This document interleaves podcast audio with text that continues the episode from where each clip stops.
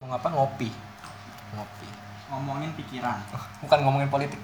apa yang ada di pikiran anda dan apa di pikiran saya Oh gitu. Lalu perkenalan diri Anda dong. Anda siapa jadi di sini? Anda sebagai apa di sini? assalamualaikum warahmatullahi wabarakatuh Waalaikumsalam warahmatullahi Perkenalkan nama saya Muhammad Hafidh Pradana Seorang pengembara kecil Katanya musisi. Pengembara kecil yang belum mengembara Kenapa sih bilang saya pengembara kecil? Karena baru pikiran saya mengembara Hati saya belum sepenuhnya mengembara Badan dan jiwa dan raga saya belum sepenuhnya mengembara Maka saya bilang pengembara kecil Jadi Anda banyak punya profesi banyak ya? hmm. Pengangguran, pengangguran Ah. banyak acara, pengacara ya kan? Sebenarnya profesi itu tergantung anda menafsirkan diri anda Tapi saya bertanya kepada Anda kemarin Anda kelihatannya musisi, alirannya mengalir. Jika saya bermain gitar, saya merefleksikan diri saya sebagai musisi. Hmm. Imajinasi saya bermain karena kita bicara indra, indra, nih, enam indra ya manusia. Sebenarnya orang manusia itu salah banyak kan. Dia melihat sesuatu saya dengan mata, akal, ya. Sebenarnya ada lagi yang namanya indra kan mata, kuping, hidung, mulut, ya itu indra maksudnya. Akal- kulit. akal kedua akal ketiga nurani anda tahu nurani apa? Tahu. apa? Hanura. Anda. tapi nurani rakyat Nah, benar. kita persepsikan sepertinya saya melihat anda kelaparan. Nurani saya bilang ini memberi anda makanan nah, itu namanya nurani. Beda dengan naluri. Keempat namanya naluri.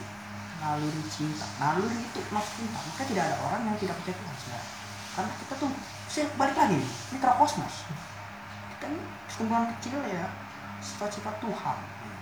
Ah kita namanya naluri nggak ada manusia yang tidak percaya Tuhan. Dia hanya menuhankan dirinya sendiri akalnya sendiri. Itu namanya naluri. Seperti anda ibu anda berantem misalnya ya. Anda nggak mungkin gak bakal cinta dia tetap cinta meskipun dia gimana itu namanya naluri. Nah yang kelima aduh saya lupa. Wow yang kelima intuitif. Intuisi. Seperti anda membaca buku anda menutup buku itu anda Berarti lupa kalau intuisi berarti Yura Yunita. Nah, Anda lupa, Anda lupa nih ba- baca bukunya, isi-isi bukunya apa. Tapi di suatu ketika di, di saat Anda lagi berbicara dengan orang lain, tiba-tiba ilmu itu datang dari dalam jiwa Anda mengalir ke atas pikiran Anda. Itu namanya intuitif, intuisi. Bukan dari pikiran turun ke jiwa. Makanya orang-orang bermeditasi itu menyambungkan jiwanya dengan alam gitu kan, menyatu dengan alam. Itu tuh termasuk intuitif. Ilmu yang dia baca, pengalaman-pengalaman hidup mereka yang kadang-kadang mereka belum ingat atau cuma sekilas saja. Tiba-tiba naik ke pikirannya akhirnya diingat. Itu namanya intuisi.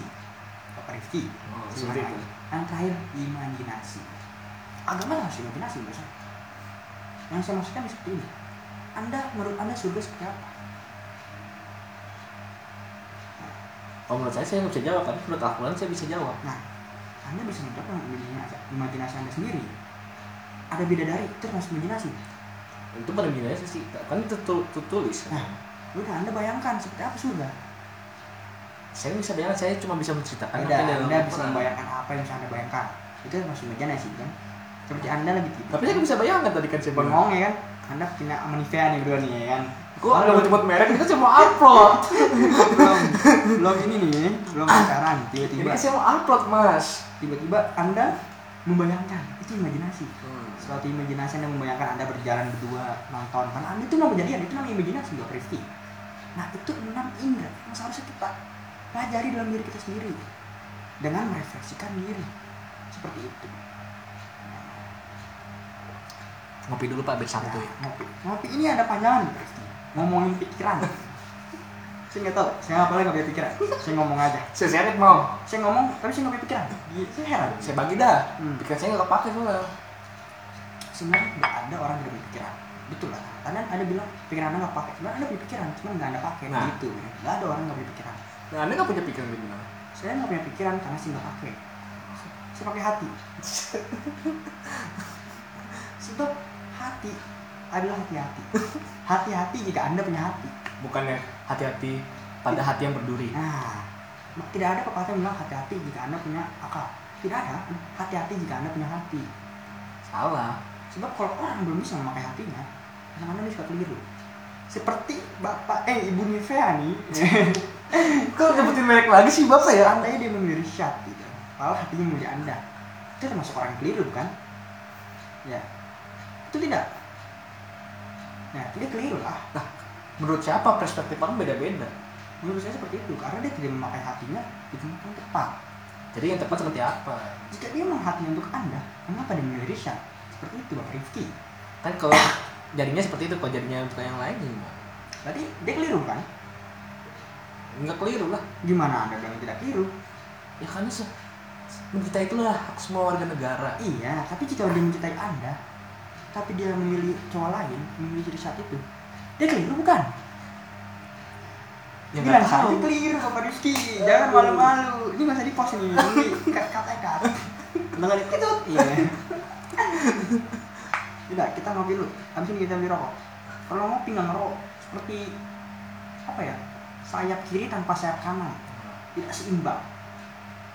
Ba- Berarti bapak ini saya kira pas sayap kanan. Saya tengah-tengah. Saya tidak terlalu kiri, tidak terlalu kanan. Nanti bapak gelandang mengangkut air. Hmm. Saya terlalu kiri nih, seperti yang tadi kemarin saya bilang, gitu. kita dikasih fasilitas dengan negara, tapi mulutnya bungkam. Kalau kita di kanan gitu kan, kita nyari makan sendiri, tapi kita mulut kita tidak bungkam. Kalau di Indonesia, coba jelaskan di Indonesia seperti apa? Kita suruh makan nyari sendiri, tapi mulut kita juga dibungkam. Nah, jadi kinerja pemerintah sampai saat ini seperti apa Pak Rifki? Ya gimana kita bisa menilai kerjanya kalau nggak ada kerjanya? Nah, yang saya maksudkan kerja itu kan selalu seperti berangkat pagi, pulang malam. Kerja tidak seperti itu. Yang saya maksud ini kinerja selama ini pemerintah seperti apa? Ya Diam tidak. saja itu termas- termasuk kinerja Bapak Rizky. Diam saja itu termasuk kerja, tapi tidak menghasilkan kinerja. Nah, dia masuk kinerja Bapak Rizky. Kenapa Ba- Bapak Rizky bisa bilang dia tidak tidak kerja, tidak menghasilkan kinerja, kinerja tidak menghasilkan, tidak. Saya tidak bilang menghasilkan, tapi kinerjanya tidak sesuai dengan apa yang diharapkan oleh masyarakat banyak. Nah, berarti kinerjanya kurang. Nah, bukan nggak menghasilkan kinerjanya sangat-sangat kurang sangat sangat sangat sangat sangat seribu kali kurang siapa pun presidennya bagimu presidenmu bagiku kau segalanya. bagiku aku lah presidennya Oke siap 2029. kita kudeta kudeta yang mutakhir seperti kata lirik lagu Fish Apa tuh? kudeta yang mutakhir tarian penghancur rakyat Mantap. jadi gimana Bang Rizky saya siap manjat kita Ya. berapa Jadi bapak gimana mau dipending dulu? Apa kita masih lanjut? Lanjutkan dulu sebentar. Ini kita masih bilang pemerintah, perintah, merintah, merintah, rintah, pemerintah. Perintah itu dia hanya memerintah. Perintah, merintah. Yang di atas merintah, yang di bawah melakukan perintah. Yang di bawah meronta-ronta. Nah, itulah ya kayak jangan jangan tambah-tambahkan sedih. Sedih masyarakat. Nah, Kita kan juga masyarakat sedih pak. Ya. Duit nggak punya, jadi pacar nggak punya, sebenarnya saya yang tadi saya bilang Suki pernah bilang Suhogi. Suhoki pernah bilang. Idola saya Suhoki pernah bilang. Dia yang mendirikan Mapala. Kemarin idola anda katanya Steven Gerrard, sekarang Suhogi. sesuai bidangnya bapak Oh, bidangnya. ya, betul nggak? Idolanya ini sesuai bidangnya. Masa saya membela Nabi Muhammad tapi Muhammad Nabi Muhammad tidak main bola? Ya. masa saya mengidolakan saya mengidolakan kepemimpinannya. Oh, ya nggak? Khalifahnya sayang gitu ceritanya ya. Ya. Nah, Makanya nama saya Muhammad Harfi Ditya Pradana Santuy Santuisme ideologi baru saya Santuisme bagaimanapun hidup itu harus santuy sebab ini teka-teki Berarti santuy logi. nah terserah anda mau bapak saya mengikut aja ya nggak? jadi Sohli pernah bilang kita lagi bagiku politik adalah lumpur yang kotor tapi suatu saat jika aku terjun ke lumpur kotor itu aku akan memperjuangkannya. Yang dimaksudkan perjuangan itu anda turun ke jalan tanpa meminta imbalan apa pun. Seperti itu. Seperti yang saya bilang tadi koboi saat ada desa yang kebakaran atau ada yang pemerkosaan di dalam desa dia datang seperti Robin Hood ya kak datang nih ngamatin si desa itu tanpa dia diagung-agungkan tanpa dia jadi pemimpin desa itu dia langsung cabut lagi dengan perjuangan Berarti salah satu cita anda ingin menjadi pengembara berujuk pada si kisah Robin Hood itu. Nah, termasuk Bapak Rifki. Tapi, bagaimanapun, saya mengembara itu saya bertanya pada diri saya sendiri. Karena saya belum bisa menjawab, saya mengembara. Mencari jawaban atas diri saya sendiri. Jawaban atas diri saya sendiri. Seperti itu Bapak Rifki. Oke? Nah, kita ngomong, kita balik lagi ke politik nih. Nah, kinerja pemerintah menurut Anda seperti apa lagi nih? Kan saya sudah bilang. Pemerintah-pemerintah yang dibawa meronta-ronta. Apalagi ada krisis seperti ini. Pertama, omnibus law isu-isunya mau ditegakkan lagi. Nah, kita balik lagi. Saya kurang paham omnibus law itu apa karena saya begini, saya jawab kenapa saya tidak terlalu suka dengan politik. Tapi saya bingung, apa. saya baru mau menyatakan argumen tapi Anda selalu potong ucapan Enggak, saya gitu. saja.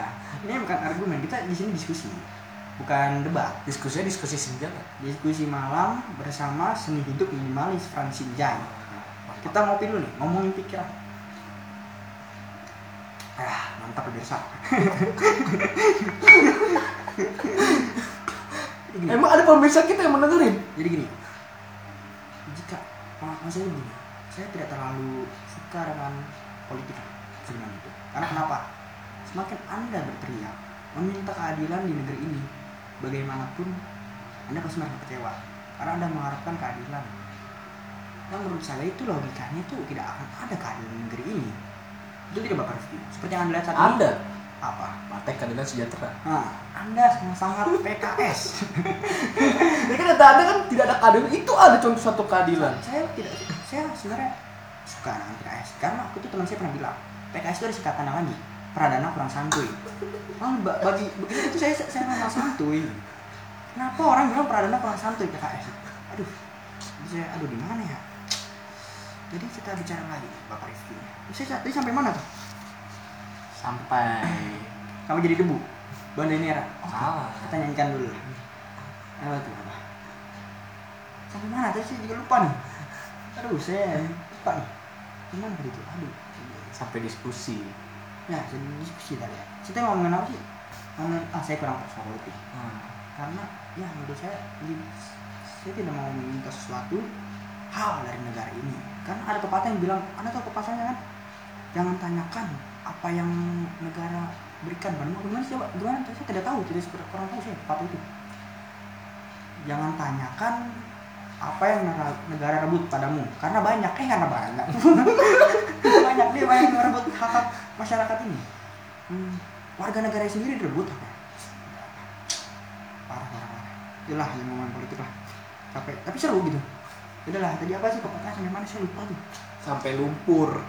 Suhoki. bukan yang jangan tanyakan apa yang negara berikan padamu tapi tanyakan apa yang engkau berikan pada negara nah seperti itu sebenarnya itu konteksnya pas di saat perjuangan zaman dulu karena itu kan kata kata-kata dari siapa gitu saya lupa Pokoknya lagi perang dah tuh. Nah, itu konteksnya pas untuk saat zaman dulu.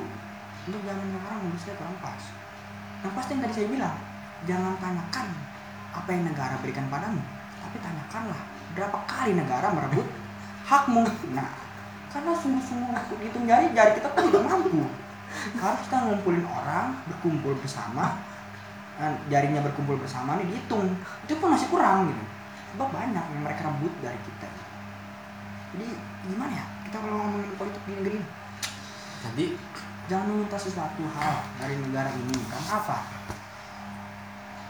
anda bisa merasa kecewa jadilah perbuatlah jadi gini tapi saya sudah sering kecewa, jadi saya sudah terbiasa. Nah, maksudnya gini anda jangan memberikan suatu hal untuk negara karena itu terlalu tinggi terlalu Jangan tinggi. ekspektasi Nah, lebih. enggak anda ingin memberikan sesuatu untuk negara anda seperti anda ingin menyuarakan suara ini boleh tapi saat anda kecewa anda harus terima kecewa seperti apa Oh iya, yang berarti saya maksudkan berekspektasi. Anda Anda turun ke jalan demo meminta hak warga negara Anda yang seperti kemarin tuh yang boykot ICU itu suatu yang luar biasa menurut saya. Kita turun ke jalan tapi jangan minta keadilan untuk mereka. Keadilan keadilan dari mereka. Karena apa? Tidak akan ada. Tapi Anda turun jalan niat Anda nih jangan minta keadilan. Tapi niat Anda turun untuk menyuarakan suara rakyat. Karena menurut saya tidak akan pernah bisa. Menurut kita pasti dibungkam. Dan kekuasaan mereka seperti itu ya. Ada dua hal. Ingat kekuasaan dan kekayaan. Mereka sudah punya dua-duanya. Gua ada tiga. apa tuh keenakan? Harta, tata, wanita. kan harta tahta pradana. Harta tahta sebenarnya lima. Apa tuh? harta tahta alma nida nanda. Yang ini jangan ya saya mau saya mau ngelak-ngelak Terus saya hubungin pip gitu dah. gitu kan podcastnya. Hmm. Punya kita ini untuk turun ke jalan tuh menyuarakan suara rakyat. Jangan minta keadilan. Oke kita minta keadilan tapi jangan terlalu berharap minta keadilan pada mereka. Kita hanya menyuarakan karena semesta akan bekerja ya kan? memberikan keadilan. Memberikan akal mereka ini akal yang sehat. Sebab menurut saya akal mereka kurang sehat. Tapi semesta masih tidur. Bapak semesta Pradana. tidur? Semesta pengen lihat. Ini orang yang di atas nih yang punya kekuasaan sampai kapan dia membantu? Dan orang yang di bawah yang menyuarakan suara rakyat sampai kapan dia makin makin membantu jadi kita tuh harus kayak gini jatuhnya gimana ya Eh, rasa yang non cidori gitu Uh, Tapi gitu. kalau bapak bilang batu, lawan batu nggak bakal menang pak. Batu harus menang lawan kertas. nah makanya itu Kita harus jadi kertas. Eh, saya pernah saya pernah dengar podcast dari Dr. Fahruddin Faiz idola saya Idul bapak banyak sekali ya. dia itu yang ini ngaji filsafat dia pernah bilang seperti ini. Mahasiswa zaman sekarang caranya sudah kuno. Kenapa mereka bilang itu dia turun ke jalan menyuarakan rakyat oke waktu zaman 98 itu caranya ampuh. Presiden kita dulu turun. Tapi untuk sekarang itu cara tidak ampuh betul tidak? Karena Karena- semakin banyak orang yang demo semakin kehilangan nyawa mereka. Cara tidak ampuh. Menurut, menurut anda anda yang lihat orang demo ampuh tidak? Menurut saya tuh tidak terlalu ampuh kan? Jadi begini. Saya pengen berargumen itu jadi potong ya. Maaf kita diskusi. Iya. saya sangat Saya, saya, saya pengen menyuarakan suara hati anda ya? ini pemikiran saya. anda anda punya hati? Ya? Pasti sudah dikasih ke orang tapi nggak dibalikin lagi. Oh iya yang, apa yang punya saya pikiran doang sekarang iya, iya, iya. anda bicara lah Karena sesuatu itu sekarang udah- sudah namanya zaman berkembang, nah. Semua tuh akan berubah. Contohnya, kayak dulu anda bilang, dulu zaman Nabi ke mana-mana pakai buruk, nah. Sekarang pakai kapal terbang. Ya nggak bisa disamain sama kayak zaman dulu. nah. Kita harus punya revolusioner baru cara untuk menurunkan kudeta itu. itu makanya menurut saya benar kata yang terhormat Dr. Farudin Faiz bilang seperti itu. Cara sekarang tuh kuno karena apa? Zaman dulu ampuh. Kita menggunakan presiden. Kalau sekarang tidak terlalu ampuh. Yang ada kita hanya sia-siaan. Meskipun tidak sia-sia banget ya. Karena MTV ampuh udah nggak ada pak. nah makanya kita cari cara bagaimana caranya menyuarakan suara kita tidak diskusi yang berpuasa tidak pernah mahal dia diskusi padahal ada kopi ada rokok ada roti kupi Hmm. dan ada roti ada kupi lagi Lagi kenapa mahal banget ya anggaran buat satu rapat aja di DPR ya? Padahal cuma 50 ribu seorang cukup. Beli rokok sebungkus, kopi, sama roti kopi. kita aja sebagai rakyat kecil karena mungkin kita rakyat kecil dikasih 50 ribu senang senang Senang sekali pak. bisa beli tahu bulat ban nabati dua ya. Narkoba baik hati. narkoba baik hati sampurna mil dan juga kopi renceng Hmm. diseduh di rumah saya dengan air saya yang gratis. Cakep. nah tidak apa-apa. Yang penting pahala menyertai saya. Surga anak tempat kita semua. Surga di bawah telapak kaki ibu. nah kenapa anda bisa seperti itu? Karena kasih ibu sepanjang nah, masa. tak terhingga sepanjang beta. Sama kayak masalah yang saya hadapi. seperti apa itu masalahnya kita beralih dikit dari Hmm. pembicaraan dari politik ke love nih. Karena ada dua tuh yang sepanjang masa. Apa? Kasih ibu dan masalah. nah Karena orang mati pun membawa masalah. betul betul karena tidak ada orang yang kabur dari masalah dia tuh hanya kabur dari masalah yang satu membuat masalah yang lain seperti itu jadi di dalam buku Mark Manson yang segala-galanya ambiar Mark Manson. nah Obama tuh orang itu. eh, Mark ini yang sebuah seminto bis kabodama Iya. dia bilang kebenaran yang menggelisahkan kita harus siap menerima apa pun yang menggelisahkan kita itu termasuk masalah menggelisahkan kita jadi kita harus hadapi ya. tidak ada orang yang hidup tanpa masalah ya. hanya orang yang tahap religius saya, saya bilang saya bicara kehidupan ya. ada tiga kehidupan manusia menurut Kierkegaard dia seorang filsuf dari mana gitu saya lupa Swedia mana saya lupa dia pernah bilang tahap pertama tahap estetika. Apa pun yang mereka, yang mereka bilang indah apa pun buat mereka indah. Seperti fuckboy. Orang fuckboy itu menurut saya tuh dia hanya eh, apa ya biar tenar keindahan dalam apa ya parasnya seperti anda membeli baju kan untuk keindahan baju bermerek padahal anda punya uang untuk itu ya. karena sebenarnya itu semuanya untuk apa mendapatkan ujian pujian popularitas Nah. ingin diakui Makanya tahap kedua, tahap etika. Apa yang menurut anda benar? Jika anda membeli baju 500 ribu dengan baju 100 ribu bahannya sama, anda pasti membeli yang 100 ribu. saya lebih milih yang lima puluh ribu Nah, saya kan bilang 500 ribu dan 100 ribu. Oh. Tidak ada jawaban untuk 90 ribu. karena saya nggak mampu beli seratus ribu pak makanya saya Ya beli udah. lima puluh ribu Kita turunkan diskon. Ya, ya, diskon. 50 ribu sama 500 ribu. Hmm, Banyak salah. Tapi itu ada mereknya yang 500 ribu, 50 ribu nggak polos. Anda beli mana? saya beli lima puluh ribu saya tulisin mereknya Nah, itu termasuk etika kebenaran. Kita pakai apa pun yang menurut kita benar. Ya, menurut kita ya, perspektif perspektif masing-masing nih dari diri anda sendiri kan dan juga diri saya nih. Tahap ketiga tahap religius. Wah ini sangat-sangat susah. nih. Ini sangat susah religius. Apa pun yang terjadi di dunia ini, baju datang dari mana, harga segala apa, itu semua tidak ada sebab akibat. Itu hanya dari Tuhan semata-mata. Tahap religius. Jadi jika anda merasa uh, anda miskin, dah anda tidak akan nyari-nyari kenapa saya miskin. Pokoknya anda tahu jawabannya itu dari Tuhan. Nah, anda bisa bertanya lagi kenapa Tuhan membuat kita miskin? Karena Tuhan sayang kita. Itu. Itu tidak mau hidup dalam kelimpahan harta. Maka itu namanya tahap religius Bapak Riki. nanti sama juga kayak gini Gimana Bapak Riki? Coba jelaskan. Kita ngopi dulu. sebelum kita mencintai ciptaannya kita harus mencintai dulu penciptanya Tapi anda belum sampai tahap cinta ilahiyah. Cinta ilahi, bukan ilahiyah. Lahir, lahiriah, ilahiyah, beda. Ilahiyah, ilahi.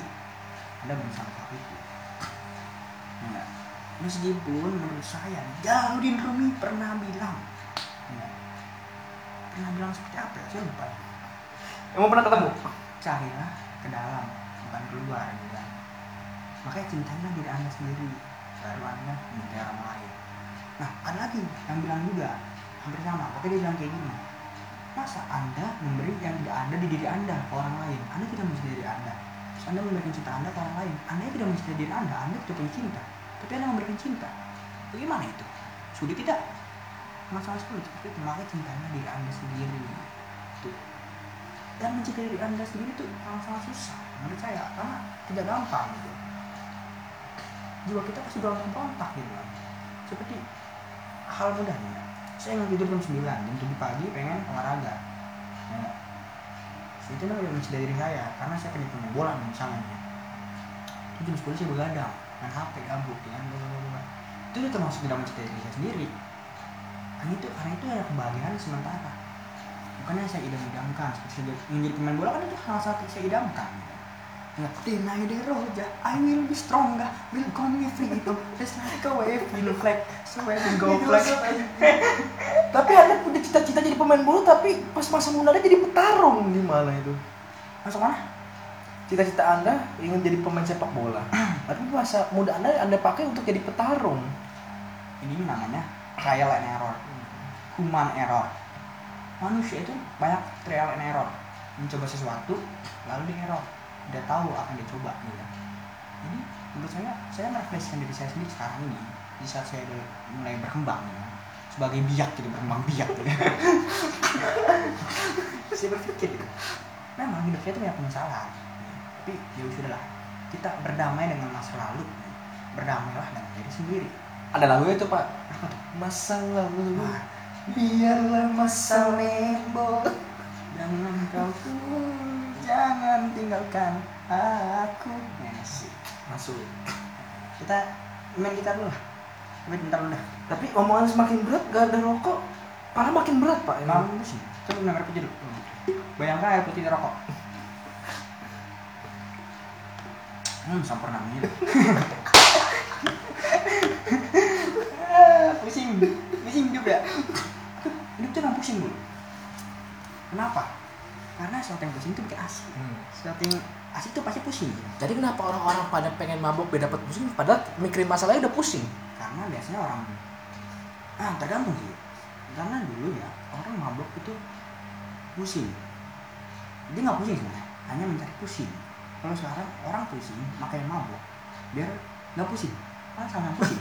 Pad- Padahal pusingnya tambah dua. tapi pusingnya beda. Apa tuh? pusing mabuk sama pusing hidup tuh beda. Oh beda. nah itu menurut saya sama aja Bikin pusing. bikin pusing pokoknya sih bikin pusing nah ada udah bikin pusing dah ini kan pusing pusing pusing non pusing hidup Tapi enak enak enak hidup enak yang enak tuh kalau kita hidup tapi nggak hidup gimana tuh Bapak ini udah makin berat otaknya kadang-kadang rokok itu butuh nikotin ini, Pak. Enggak. Hidup hidup tuh ada menurut saya saya tahu sebenarnya tapi ini menurut saya ya bukan menurut pijat urut. Bukan. menurut saya Hmm. Tapi saya nggak nurut Hmm. nah menurut saya tapi saya nggak nurut nih Hmm. tapi saya nurut sama saya lah oke jadi gini Rifki hidup tapi nggak hidup kita hidup tapi kita nggak tahu tujuan kita mau jadi apa Saya tahu seperti apa hidup tapi nggak hidup. nah Contohnya burung disangkar. kenapa tuh Dia hidup, tapi dia tidak hidup karena dia tidak bebas. Dia tidak bisa menjalani hari-harinya yang dia mau. itu menurut burung disangka Nah, menurut saya nih hidup nggak hidup nih, saya bisa bernafas enggak nah, tapi sekali lagi nih bapak Rifki yang tidak yang dimaksudkan nggak hidup itu kita nggak tahu tujuan kita apa siapa saya siapa kita buat apa kita kita tidak tahu itu namanya hidup tapi nggak hidup kita belum tahu kita itu menjadi apa ya karena kita belum tahu tujuan kita apa gitu berarti bisa diganti kata-kata ya Pak. Gimana? Bernafas tapi tak hidup. Nah, bernapas tapi tahan nafas. Kenapa orang bernafas tahan-tahan? Sebab orang yang sudah nggak bernafas, saya pengen bernafas lagi ya. Ya betul ya. Kalau kata orang, saya nggak tahu nih. Tapi masuk akal juga saya. Orang bernafas nih, tapi tahan nafas. Nih. Ya ada contohnya Pak. Nah, berenang. Ketika anda kentut, Wah, saya nggak nafas, nggak nafas. ya anda tidak nafas, saya tak nafas tapi. Anda yang tak nafas kan? saya nggak tak nafas, yang saya kentut. ah, pusing banget lah. Telah. Break, break, break, pemirsa. Oh, pemirsa apa? Ternyata siapa ini? Ini tentang harta tahta Almanidah dan Anda. Mati mati. Ini Berat ini. Berat ini. Bisa mati Pak. Selang. Hmm. Jadi mati. Mudah lah. Ada. Kita sama ngomong. Ini seru jadi. Eh, boleh jangan share goblok. Kagak. Jangan di share anjing. Kagak. Ini buat gue malam-malam banget kalau gabut anjir. Ini coba Soalnya tuh saya kan saya semalam bilang di insta insta, insta live Kaija. Anda pada di lapangan, tapi saya terkurung di rumah kenapa? karena corona. Karena corona apa karena emak-emak? Karena emak saya lebih takut corona daripada emak saya kehilangan jiwa anaknya. Lebih takut corona daripada emak yang jiwa anak. Oh, berarti jiwa anda terkekang gitu. Maksudnya Iya. jiwa anda tidak bebas gitu. Makanya jika anda ingin jiwa anda bebas, satu cara meninggal lah. Jiwa anda bebas. Kalau kata Plato, kita balik lagi kepada filsuf Yunani zaman dulu. Pra Sokrates itu sebelum Sokrates. Nah, dia katanya Plato, sekarang Socrates. pra Sokrates sebelum Sokrates seperti Demokritus, yang gitu teori-teori atom yang gitu gitu. Galileo Galilei. Nah, kita habis Sokrates, Plato, Aristoteles. Aristoteles, Bapak. Sokrates semua. Ini Plato pernah bilang dualisme. Nah, jiwa kita di saat meninggal menyatu dengan alam. Balik lagi. Makanya dia bilang ada dualisme. Dualisme itu kita raga kita sudah dicetak. Nah, raga kita nih raga tubuh kita udah dicetak. Tapi jiwa kita masih di yang dimaksud dualisme itu surga. Kita bisa nafsirkan itu surga. Jadi di sana tuh kita udah hidup duluan. Sana tuh ada makanya dia bilang ada kuda ide, kucing ide. Nah, jadi kita pas kita hidup di sini kita tahu kucing bentuk kucing itu seperti apa. Nah, makanya dia bilang seperti itu. Makanya jiwa yang bebas itu jiwa yang kekal dan abadi gitu. Bisa meninggal menyatu dengan alam kosmos ada kosmos. Makrokosmos. Kita tuh mikrokosmos. Makrokosmos tuh alam semesta. Kalau kipas angin kosmos apa? Nyaman di dinding. Bisa di meja. Tempel di lantai. Nyaman di hati. Ya. Pul matiin pul anjing. Jadi gimana ini Pak kita mau ngerokok tapi nggak ada rokok. Matiin matiin. Udah aku matiin dari tadi Bapak Dana. Coba dengerin bu. Tapi bohong. Ya.